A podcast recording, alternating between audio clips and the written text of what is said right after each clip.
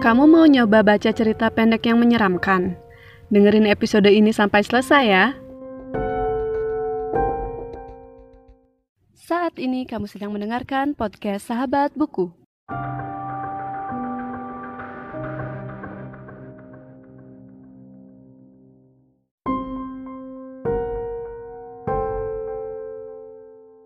Halo semuanya dan selamat datang kembali di podcast Sahabat Buku.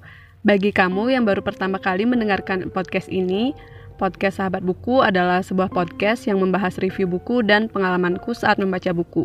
Di episode kali ini, aku akan membahas tiga alasan kenapa kamu harus membaca buku kumpulan cerpen berjudul Kisah-Kisah Tengah Malam karya Edgar Allan Poe. Nah, sebelum itu, aku akan membahas sinopsis dari buku ini. Ini sinopsis yang aku bacakan dari Goodreads ya. Kisah-kisah tengah malam berisi 13 cerpen karya Edgar Allan Poe yang mana cerpennya itu memberikan pengalaman penuh ketegangan, teror, dan misteri. Ada beberapa cerpen Edgar Allan Poe yang terkenal dan ada di buku ini seperti Black Cat, The Fall of Usher, dan Telltale Heart yang bisa kamu baca juga. Saat membaca buku ini, kamu bakal diajak buat memasuki rumah tua misterius, pembalasan dendam, kegelisahan pembunuh, dan terombang ambing di tengah lautan.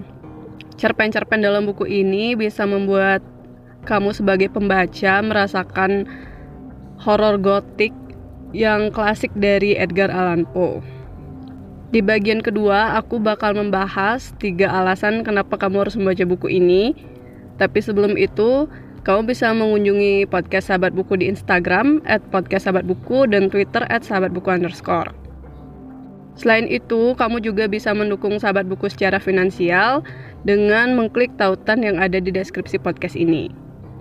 Oke, jadi aku lanjutin ke tiga alasan kenapa kamu harus membaca kumpulan cerpen kisah-kisah tengah malam karya Edgar Allan Poe. Yang pertama, cerita pendek dalam buku ini dijamin menyeramkan. Buat kamu yang suka baca cerita horor atau dengerin podcast horor, wajib banget mem untuk membaca buku ini karena cerpen di dalamnya bisa memberikan sensasi menegangkan yang terkesan nyata.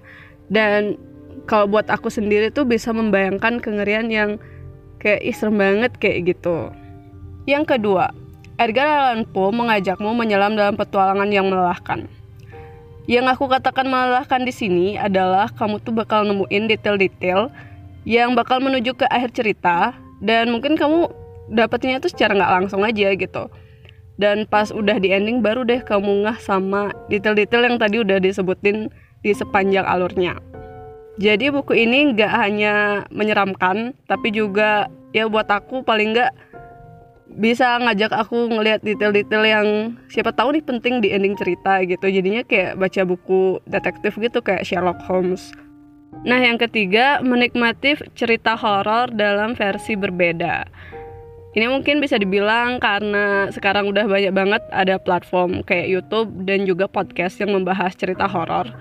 Aku rasa mungkin teman-teman yang suka dengerin uh, cerita horor lewat YouTube atau podcast bisa mencoba buat membaca buku ini karena sensasi yang diberikan tuh menurut aku beda gitu dibandingkan dengan nonton YouTube atau dengerin podcast. Oke, jadi itu dia tiga alasan kenapa kamu harus membaca buku ini. Dan kalau kamu suka episodenya, jangan lupa untuk bagiin di media sosial ya. Kamu juga bisa kasih rating di Spotify. Bisa rating 4 atau 5. Dan sekian dulu untuk episode kali ini. Jika ada salah-salah kata, aku mohon maaf. Dan sampai jumpa di episode selanjutnya.